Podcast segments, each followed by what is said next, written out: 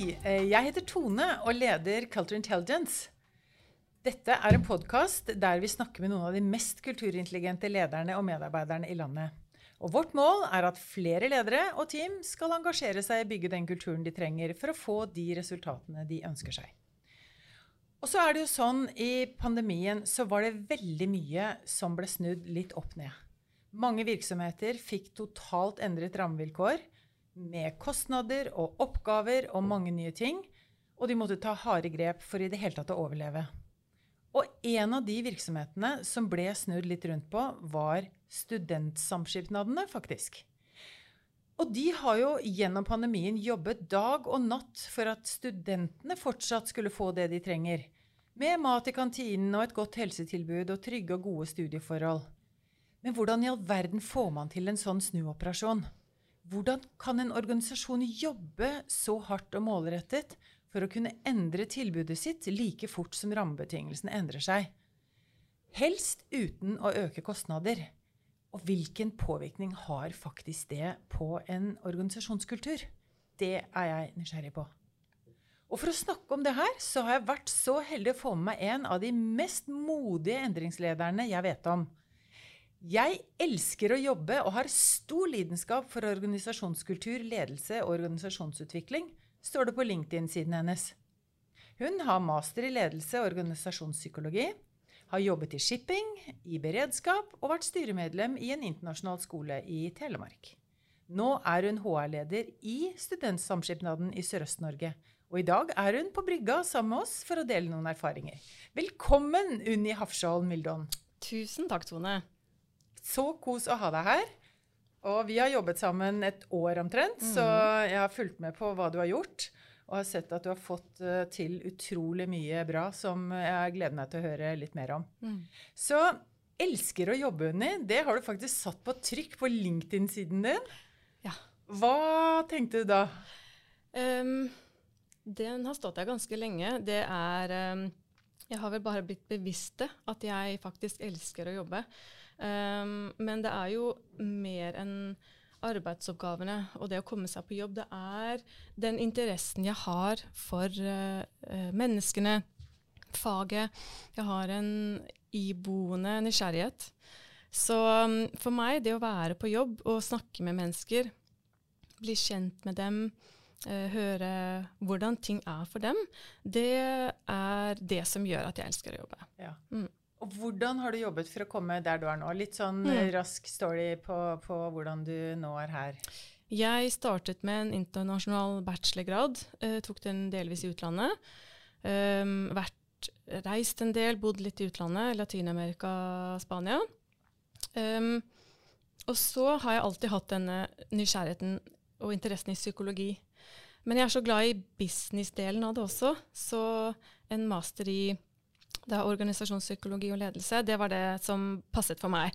Og den bruker jeg mye i jobben min i dag, så det var en full match, egentlig. For da kan jeg um, For meg har den, den, det faktum at vi er mennesker som tar med oss morgenen. Mm. vi tar med oss personligheten, vi tar med oss uh, bakgrunnen vår på jobb. Man er ikke bare en, en arbeidsgiver eller en tittel. Det uh, å kunne bruke det på best mulig måte, få den personen med hele sitt til å prestere på jobb, til å trives og utnytte alle de ulikhetene vi har, det er det som interesserer meg. Og, da, og det bruker jeg selv i mitt eget team. Eh, de eh, har virkelig fått, eh, fått oppleve min interesse og nysgjerrighet på dem, og jeg har formidlet mye rundt min egen lederstil og mine egne verdier. Men jeg har en tro på at ved å bli kjent og bruke um, den egen de egenskapene personligheten hver enkelt har med på jobb, så klarer vi å prestere bedre og få organisasjonen, også businessen, til å funke bedre. Kult. Mm. Og det perspektivet der, det høres jo ut som du er helt perfekt eh, kvinne i perfekt rolle akkurat nå? Ja, jeg trives veldig ja. godt. Uh, min uh, lederrolle nå består av selvfølgelig personaloppfølging. Det bruker jeg mye tid på. Um, og så jobber jeg mye med fag. Ja. Og det det syns jeg er veldig gøy. For jeg er jo så nysgjerrig på fag. Og mm. høres ut som du har en veldig sånn god faglig vinkling i hvert fall sånn som jeg kjenner deg i vårt mm. samarbeid, så har det mange gode spørsmål fra deg. Ja. Og det kommer jo fra et sted. Mm.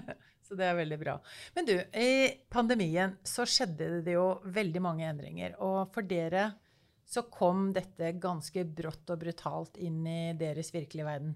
Fortell hva som skjedde. Mm. Um, som for alle andre så ble det jo plutselig behov for uh, hjemmekontor. Og uh, fikk ikke lov til å reise og alle disse tingene her. Um, for vår del så Det innebar også hjemmekontor, men, men, men, det som kanskje var litt mer spesielt, er at vi er på alle de åtte-ni campusene som er i Universitetet i Sørøst-Norge. Så har vi 150 ansatte fordelt på de ganske mange arbeidsplasser.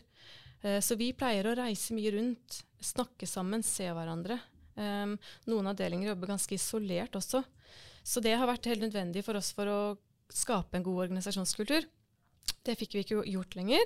I tillegg så var det jo alle de som jobber i kantina, eh, jobber med renhold, jobber med å møte studenter hver dag, vedlikehold av boliger. Eh, de fikk jo ikke være, altså Studentene var jo ikke på campus. Så vi, var, for mange av dem var det jo ikke noe arbeidsplass å gå til. Så det var jo masse permitteringer hos oss ganske lenge. Og I tillegg så veldig mange av dem um, hadde nok en stor usikkerhet i hva kommer jeg tilbake til. Uh, samfunnet måtte jo digitaliseres i rekordfart. Hva skjer da med undervisningen? Vil den fortsette å være digital? Har vi fortsatt universiteter som vi har hatt før? Uh, så det var nok mange spørsmål og mye usikkerhet. Uh, I tillegg til den hjemmekontorbiten som mange har kjent på, med Uh, man får ikke snakket sammen ved kaffemaskinen, man får ikke sosialisert seg, ledelse er vanskelig. Uh, og den som vi også har sett en del av, at tilknytningen til arbeidsplassen blir jo satt på prøve. Mm. Mm. Utvilsomt. Og det ser vi litt effekten av nå. Men, men, for dere, hvordan gjorde dere Eller hva gjorde dere da, når, når dette her skjedde? Um, lederne Uh, ja, Vi lagde noen veiledninger til ledere, hvordan man leder fra hjemmekontor. Vi har jo en del avstandsledelse i dag, det hadde vi jo fra før. Uh, så for en del ville jo det bare fortsette. Men i og med at ikke de kollegaene kunne møte hverandre, så ble det mye fokus på det å kunne styrke um, samholdet på avstand. Og jeg vil ta et eksempel som jeg snakket med en kollega om for litt siden. Um, det, vi, vi, da jobbet, var det to avdelinger som jobbet veldig tett. Og vi hadde hver fredag så hadde vi en digital lunsj. Satt av en time, spiste lunsj sammen og gjorde et eller annet tullete. En quiz eller Og det var mye utkledning, og det var mye løpe rundt i huset og finne eh, ting. Eh, du skulle løse en gåte, og så skulle du finne en tekoker. Og det var så gøy, og vi klarte faktisk eh, å styrke samholdet på en eller annen måte ved at vi satt av tid sammen. Og nå gjør vi jo ikke det, ikke sant. Så det er jo eh, Fokuset kunne jo noen steder, noen tilfeller, faktisk gjøre at det blir bedre. Men eh, i det store og det hele så, så, ble det jo mindre kontakt gjennom, på tvers av hele organisasjonen, da. Mm. Og det er jo den tverrfagligheten som vi ser har blitt mm. borte. Mm. Den, man får liksom til den direkte linjen oppover eller nedover, men det der tverrfaglige er det vi har målt, da. Faktisk, ja, og jeg startet faktisk uh, i SSN, som vi forkorter oss til, mm. uh, på hjemmekontor. Ja, og jeg merket ja. veldig godt at det tok meg tid å bli kjent med organisasjonen og knytte meg til organisasjonen mm. fra hjemmekontor. Det har vi hørt mange mm. som Så det er godt gjort at du har gjort det på den måten som du har, og så ordentlig som du har. fordi der vi møtte hverandre, det var når dere rakk opp hånden og sa hallo, vi trenger et kulturprosjekt. Mm. Hva lå bak det? Um, Nei, det var administrerende direktør som hadde et ønske om å jobbe litt mer dedikert og bevisst med kulturen vår. Um, det var noen antakelser om ting som burde bli bedre, ting vi burde forsterke. um, og, og, og, kanskje det er også det faktum at vi, det her er antakelser. La oss gjøre det litt mer ordentlig. Så jeg fikk et eh, løst eh, og tillitsfullt mandat til å jobbe med kultur. Det var egentlig det var ikke så mye mer konkret enn det. Men, eh, og, og, og, han sa også og de tre verdiene vi har, det kan legges under kniven. Og det syns jeg er ganske modig gjort. Mm. Så da var det bare å sette i gang og um, lese seg opp på hvordan er det man gjør dette her med kultur. Og jeg har jo hatt en interesse i kultur ganske ubevisst de første årene av arbeidslivet. Men når jeg har reflektert litt over det, så har jeg alltid vært interessert i det og jobbet med det gjennom de ulike rollene jeg har hatt. Jeg har vært, alltid vært med eller ledet en sosialkomité f.eks., og da blir du kjent med medarbeidere. Eh, også mer bevisst de siste årene. Og du nevnte det med å ha jobbet på et skipsverft f.eks. Jeg kom derfra til Studentsamskipnaden, og da kunne jeg, da måtte, måtte, kunne jeg endre kleskoden min, f.eks. Og det har jo litt med kultur å gjøre. Mm. Så du tilpasser deg jo. Og så jeg har uh, blitt veldig bevisst hva kultur er, og hvordan man ser det, og hva man ikke ser. Uh, så, um, så, kultur har alltid vært interessant for meg. Så jeg satte jo i gang, leste bøker, forskningsartikler, eh, forstå hva, hvordan gjør vi dette her. Og skjønte fort at vi må kartlegge eksisterende kultur. Vi må bli bevisst vi, hvor vi skal, hva er det vi trenger for å komme dit. Hva er vår ønskede kultur? Og hva, hvordan ser dette gapet ut? Ikke sant? Sånn enkelt forklart. Og så skjønte jo jeg veldig fort at uh, sånn som du og dere i Culture Intelligence ser på kultur, var akkurat Det var helt på bølgelengde med, med hva jeg tenkte. Så vi tok jo kontakt med dere. Og etter det så har det jo vært bare gøy. Ja, du har jo vært utrolig bra. Men før vi kommer dit, hvordan reagerte lederteamet? Altså, hvordan får man med seg mm. Hvordan fikk du med deg et helt lederteam. For mm. ikke, jeg regner med at ikke alle de rakk opp hånden og sa 'jeg er med'. Og det stemmer. Og det har vært, eh, noen har nok hatt mer interesse av det. Sett behovet for det. Kanskje hatt mer erfaring og kunnskap om det enn andre. Men det var en vilje fra administrerende direktør i starten. Og, så har jeg, og det har gjort at jeg har klart å få tid i ledergruppa, med ledergruppa til å presentere hva det er, hvorfor det er, status.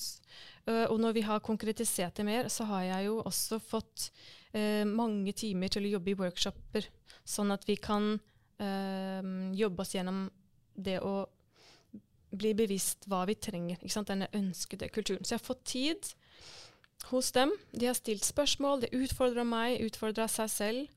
Um, hva skal jeg si, kasta kulturen litt opp for å se hva, ja, hva kan vi gjøre som mm. blir, gjør oss bedre. Mm. Og jeg tror um, Vi har jo en um, Vår kundegruppe, det er studentene. Du får ikke noe mer moderne enn det. Hvert år kommer det et nytt kull studenter som har uh, nye forventninger, nye krav. Det føles som det kommer en ny generasjon uh, hvert år omtrent. Og da må vi være framme i skoa hele tiden utfordre selv, utfordre tjenestene våre. Så jeg tror nok de har vært bevisst nødvendigheten av at vår kultur også er i stand til å jobbe på den måten vi trenger. Mm. Hva har vært det aller vanskeligste? Eller har du gått på en, et skjær, eller hva liksom mm. um, Det vanskeligste har kanskje vært å få andre til å forstå kultur. For det er jo du har sikkert gjort det her ganske mange ganger. prøve å forklare andre hva kultur er, og det er ikke så lett. Og så kommer du i gang, så kan du egentlig snakke i noen timer om hva kultur er. Og få dem til å forstå hva det er, hvorfor i all verden vi skal kartlegge det og jobbe med det, det har nok vært utfordrende. Og det har jeg løst ved å um, Jeg har jo fått lov til å bruke hver eneste ledersamling eller tur vi har reist på i hele organisasjonen, til å presentere noe, snakke om kultur. Det har jo seg selv hjulpet. Og så har jeg gjentatt budskapet. Ikke ja. noe nytt noe hver gang. Brukt kanskje de samme bildene, de samme listene med ting. Uh, sånn at det skulle være gjenkjennbart. Uh, fordi vi har jo da mange operative ledere. Vi har kaféledere som er utdannet kokk, de har ikke sittet og lært om ledelse sånn som jeg har. Så jeg har prøvd å gå vekk fra mitt eget ståsted, som virkelig bokstavelig talt, og mm. se hva, hvordan treffer jeg dem der de er i sin arbeidshverdag. Hva samspill, Jeg er nysgjerrig på samspill mellom deg og, og daglig leder. Mm. For det er jo superviktig hvis mm. du vil ha dem med på en endring. Hvordan hvordan vil du si, Hvilke oppgaver gjorde han, og hvilke oppgaver gjorde du, og hvordan har det funka? Han er eh, en eh, leder som er ganske mye og reiser. For han ser jo helt klart verdien av å være der ute på de ulike campusene og se hvordan studentene har det. Sånn at eh, han har vært med når jeg har spurt om tid. Og det har fungert greit. Og så har jeg vært drivkraften. Det har jeg helt klart. Og det er jo funka fint, for det har jo vært veldig av min interesse. Um, og så har han uh, gitt meg masse nyttig informasjon med all den tiden han har brukt i selskapet sitt, uh, selskapet mm. vårt, og, uh, og, det at han er mye ute. Så det her har vært et samarbeid mellom han og meg, og veldig mange andre, hvor jeg har skaffet meg innsikt for å vite hvordan jeg skal kommunisere og jobbe. Mm. Vi har sett litt på um, sånne tilsvarende prosjekt som det du har vært i, og vi ser den den symbiosen som kommer mellom eh, en eh, god HR-leder og en god daglig leder, når de finner hverandre på det feltet her, så mm. er det nesten sånn magi som skjer, for da ruller det og går veldig, veldig godt. Dette hadde vært vanskelig å få til ja. uten hans interesse, ja. og, eh, og, og, gitt tid for, til meg i, inn i dette her, inn i ledergruppa. Mm. Og ikke minst den støtten som jeg hører du beskriver. altså mm. Han har vært uh, ja. på hele tiden. Ja, altså bare det at jeg kan få lov til å bruke tre-fire timer eller en halv dag av en ledersamling til å snakke om dette her, ja. det er fantastisk. Ja. Mm. Hvis, du skulle, hvis du, skulle, si litt sånn uh, La oss si vi hadde Nå går vi tilbake et år i tid, Unni, mm. og så sier vi sånn Hva er de viktigste, er de viktigste grepene du gjør eh, når du, når du liksom får satt det prosjektet her? Sånn overordnet. Én, to, tre. Hva vil du si mm. er mm. det du har fått til? Um, det, det, starter nok med kunnskap om dette begrepet, det du skal jobbe med. Um, jeg brukte ganske mye av den første tida på å forstå hvordan jeg skulle jobbe.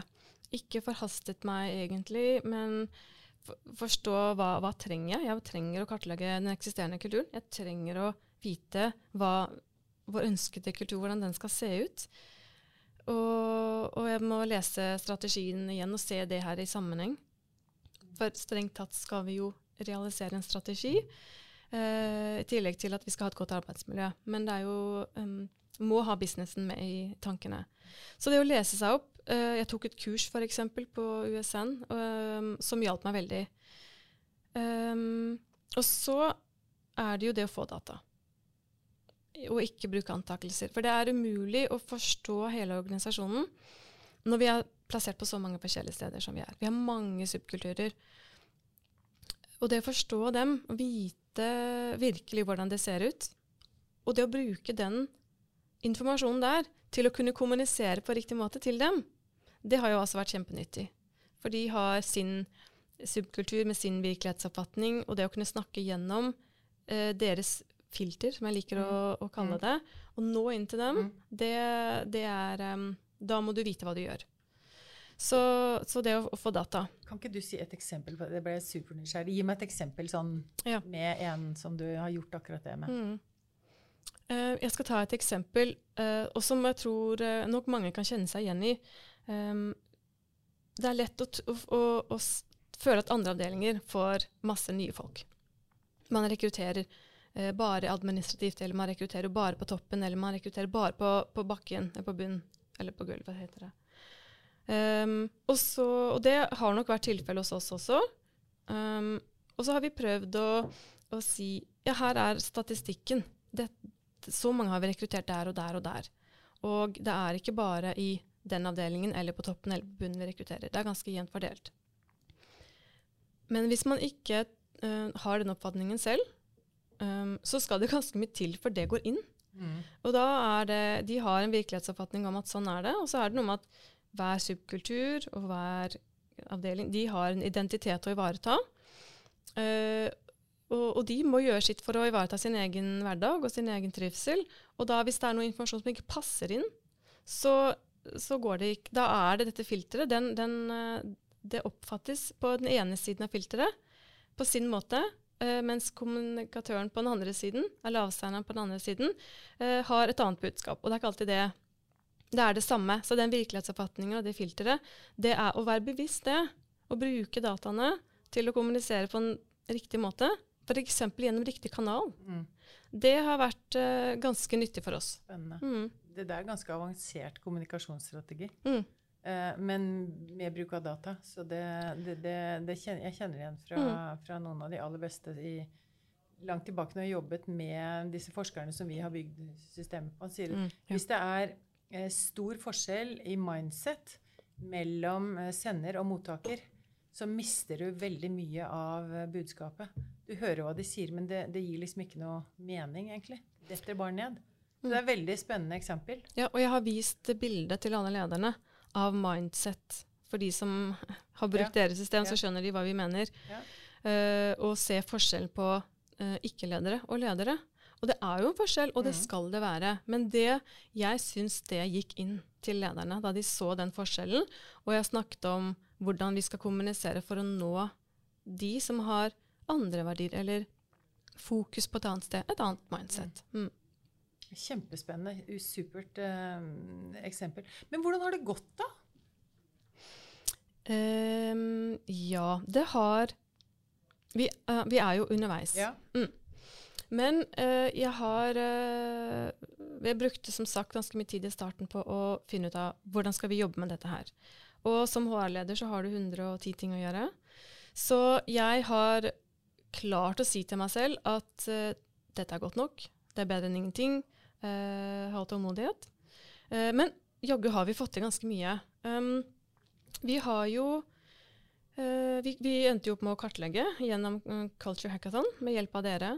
Og så har vi da hatt mye fokus på å presentere resultatene, forklare hva det betyr, hvem vi er, hvorfor bruker vi verdier. Um, og, og som sagt vært ute og presentert. Og så har vi jobbet ganske mye med den ønskede kulturen, og det har vært veldig spennende. Um, vi, som jeg sa, la vi litt verdiene vi har i dag under kniven, men vi fant ut at de står tidens tann. Så har, eh, de har bestått, men det vi har gjort, er at vi har um, konkretisert dem mer. Vi har um, identifisert ganske mange verdier som vi mener er viktig opp mot vår strategi. Og så har vi tillagt hver av de tre verdiene våre fem underverdier. Og det som er kult med det, er at da forstår vi de verdiene bedre. I tillegg så kan vi faktisk ganske konkret måle hvordan det står til med, med de tre kjerneverdiene. Så under entusiasme så har vi fem eh, underverdier som vi kan se på dataen om er viktige for organisasjonen. Sammen med trygghet. Så kan vi se og handlekraft, som er de tre verdiene vi har. Og det at vi har et bevisst forhold til hva, som, hva de verdiene betyr. Vi har et bevisst forhold til hvordan det står til med dem. Uh, og vi kan begynne å jobbe med underverdiene som til sammen gjør at vi øker hovedverdien. Og det er litt gøy. Det er kjempekult. Mm. Eh, Når du snakker sånn, så blir jeg nesten helt sånn rørt. For jeg tenker det der er så Ja. langt kommet. Ja. Eh, og det er så få som har kommet eh, til, det, til sånn som du jobber med det nå, eller dere jobber med det nå. Så hva, hvem, hvem er dette arbeidet Hvem har det vært viktig for, i tillegg til deg, selvfølgelig? Mm. Hvem er det som virkelig har fått nytte av dette? Ja. Eh, jeg tror en del ledere syns dette her er veldig nyttig. Da, eh, jeg hadde ganske mye fokus nå på en ledersamling for noen uker siden på ehm, hva slags rolle vi ledere har, og hva slags Vi, kan, vi har makt. Vi, har, eh, vi snakker mest. Vi er mest synlige. Vi påvirker veldig mange ting. Vi prioriterer. Og det, og det er et budskap i alt det vi gjør. Enten vi er bevisste eller ikke, så kommuniserer vi ledere med alt vi gjør eller ikke gjør. Og det å ha fokus på det tror jeg har gjort dem bevisst på at eh, de kan lede mer kulturbevisst og verdibevisst. Um, så jeg tror det lederne har, har, eh, har fått noe ut av det. Og så jeg vil ta et annet eksempel. Vi har jo vi reviderte vår strategi vår. Um, og da Det vi har bestemt, er at vi skal ha fokus på bærekraft. Det er det viktigste vi gjør nå. Så det, vi har fått en bærekraftig strategi. Det er, det er um, et, et, et eh, viktig element vi skal jobbe med i hele organisasjonen, i alle, på alle nivåer, i alle avdelinger, gjennom hele verdikjeden vår. Um, og, det som, um, og for at vi skal klare det, så må vi jo ha en plan, og vi må, vi må vite en, uh, litt sånn konkret hvordan vi skal jobbe med det. Og det vi da gjør, er at uh, nå, noen måneder nå så har vi fokus på fundam fundamentale verdier, i fundamentet i organisasjonen, eller i en arbeidstakers um, uh, trygghet. Så vi har fokus på medbestemmelse, tillit og ansvar, de trygghetsverdiene. Da skaper vi en trygghet og en tillit i organisasjonen som er helt nødvendig for å kunne jobbe mer visjonært seinere. Og skal vi klare å jobbe bærekraftig, vi kan tenke deg at nå skal vi begynne å gjøre ting annerledes. Vi utfordrer eh, budsjettene våre, prioriteringene våre, eh, valgene våre. Og skal vi klare å gjøre det, så må vi være trygge. For da skal vi jobbe med litt utfordrende ting. Kanskje vi skal ha noen tøffe diskusjoner. ikke sant? Vi må, være, vi må tenke på en annen måte. Vi må kanskje fornye forretningsområdene våre eller tjenestene våre. Så ved at vi har fokus på medbestemmelse, tillit, ansvar og de trygghetsverdiene, så har jeg veldig tro på at vi da, eh, når vi satser for fullt på bærekraftsarbeid neste år, så kan vi være kreative, innovative. Vi må lære om bærekraft. Og den verdien, ikke fordi vi jobber vi skal jobbe dedikert med bærekraft i seg selv gjennom bærekraftsrapporter etc. Men ved å jobbe med disse underverdiene, så vil bærekraft styrkes i seg selv. Og det gjennom indirekte arbeid. Så det blir kjempespennende å se på neste kulturkartlegging, hvordan det står til da. Kjempespennende. Og det å, det, å, det å, bygge det grunnlaget, det er jo en investering. Ja. Man tenker jo at man vil kanskje gjøre noe på et litt mer visjonært mindset, men det å ha ro på å begynne der og bygge det opp ordentlig eh, dette blir jo helt utrolig morsomt å følge med på. Ja, det gjør det. Så, så, så, hva gleder du deg mest til da, til neste år? Uh, ja, jeg gleder meg til å Nå skal vi først få ut litt flere tiltak. Vi har fått masse innspill fra ledere på hvordan vi skal jobbe med det. Jeg har gitt dem i oppgaver. da. De skal lage en kulturell årskalender. Fordi jeg vil at de skal bli bevisst uh, når i løpet av et år, og hvor, og hvilke arenaer, og hvilken måte jobber vi eller er, påvirker vi kulturen. Og det er jo ganske mange områder i løpet av et år. Ja. Så alle har laget en, en uh, kulturkalender. Og så skal de lage en kulturell handlingsplan. Og det begynner jeg å få inn nå. Og der skal jeg også ut og hjelpe lederne med å eh, På deres nivå. Noen har masse planer, noen har mindre planer, og det er greit. Mm. Det, de må funke for dem. Og, og, har de ett mål, holder de massevis for dem. Ja. Og så kan vi ta det steg for steg. Ja. Så det blir kjempespennende nå å følge med på handlingsplanene deres. Og så har jeg fått innspill på Jeg har delt opp i fem nivåer, da. Individnivå. Eh, avdelingsnivå, organisasjonsnivå, ledernivå og ledergruppenivå. Ja. Jeg har bedt om innspill mm. på alle sammen. Mm. Sånn at lederne skal bestemme Uh, eller snakke med hver enkelt medarbeider på individnivå. Hva trenger du? Hva betyr dette for deg? Hva betyr medbestemmelse for deg? Og så er det avdelingsnivå. Hvordan får vi til dette? For renholderne vil det være noe annet enn for psykologene. Mm. Og så ja. uh, vil jeg ha innspill på hvordan skal organisasjonen jobbe med dette her. F.eks. internkommunikasjon eller sosiale happenings i, i, organisasjonen. Hva skal vi gjøre for å styrke disse tillit, f.eks.? Og det, ikke sant, tillit er systemene, eh, systemene våre, rapportsystemene våre Stemmer det overens med at vi skal være en tillitsbasert organisasjon? Eller har vi veldig mye rapportering og kontroll egentlig? Det får vi sett litt på da. Mm. Og så er det da hva trenger du som leder for å kunne jobbe kulturbevisst? Trenger du kunnskap? Trenger du data? Hva trenger du? Og så er det ledergruppa, som jo har den aller, aller viktigste rollen, for det drypper jo nedover. Mm. Så dette her blir et systematisk arbeid det hele neste år. Mm. Mm. Det hørtes helt utrolig gøy ut. Jeg gleder meg så innmari til å følge med på det. eh, men har det her påvirket deg personlig? Ja, det har det. Hvordan da, Henny? Um, nei, for det første så har jeg det utrolig gøy på jobb ved at jeg får jobbe med dette her. Men som leder så bruker jeg det mye jeg har hatt verdisamtaler med alle mine medarbeidere. Hvor jeg har fortalt dem om mine verdier, og, hvor, og hva det betyr for meg. Hva betyr det i min lederrolle? Hva, det, hva forventer jeg av dere?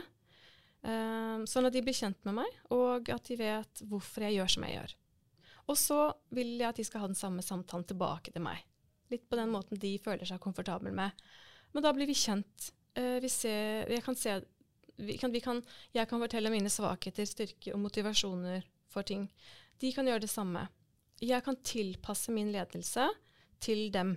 For som jeg har sagt til dem, mitt mål er jo at du skal ha det bra og gjøre det best mulig på jobb. Mm. Og jeg må vite og kjenne dem, og hva som motiverer dem, for å klare å få til det. Så det har påvirket meg i min ledelse også. Ja, spennende. Tror du du har endret noen av verdiene dine? Ja, det vet jeg faktisk. For ja. har jeg jo fått en egen ja, Bærekraft. Ja. Den har blitt min viktigste verdi. Uh, og det er gøy. Mm. Og det er jo herlig, fordi det er jo det bedriften skal ja. Det er full match. Ja. Så, mm. så, da vet du at når vi setter noe på agendaen, så øker det i prioritering. Det er jo liksom, det er jo det, det, er jo det Setter du det på agendaen, mm, så vil den verdien øke. Ja, mm. det er akkurat det. Mm. Så kult. Mm.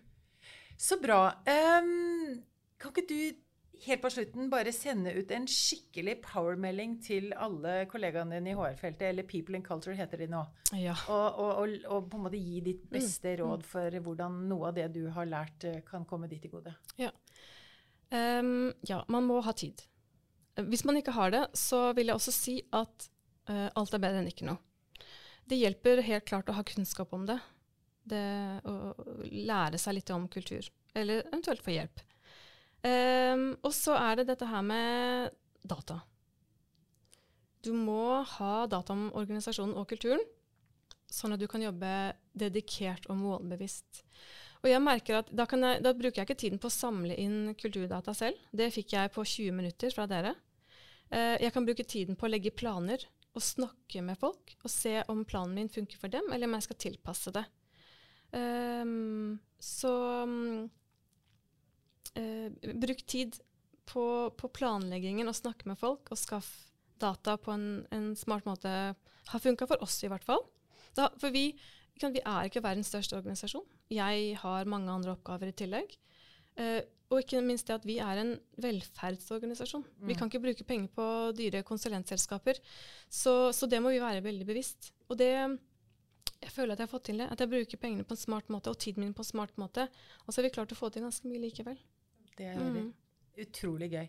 Du, det her var kjempeinteressant. Jeg gleder meg sånn til å holde øye med dere og være med på dette i neste år også. Ja, og, det er veldig gøy å ha dere ja. med som heiagjeng på sida. Ja, men det er mm. så gøy når, det, når, vi ser at det virker. Så det er det som gjør meg glad. Så tusen, tusen takk for at du delte så mye som du gjorde, og masse lykke til, Unni. Tusen takk for meg, Tone.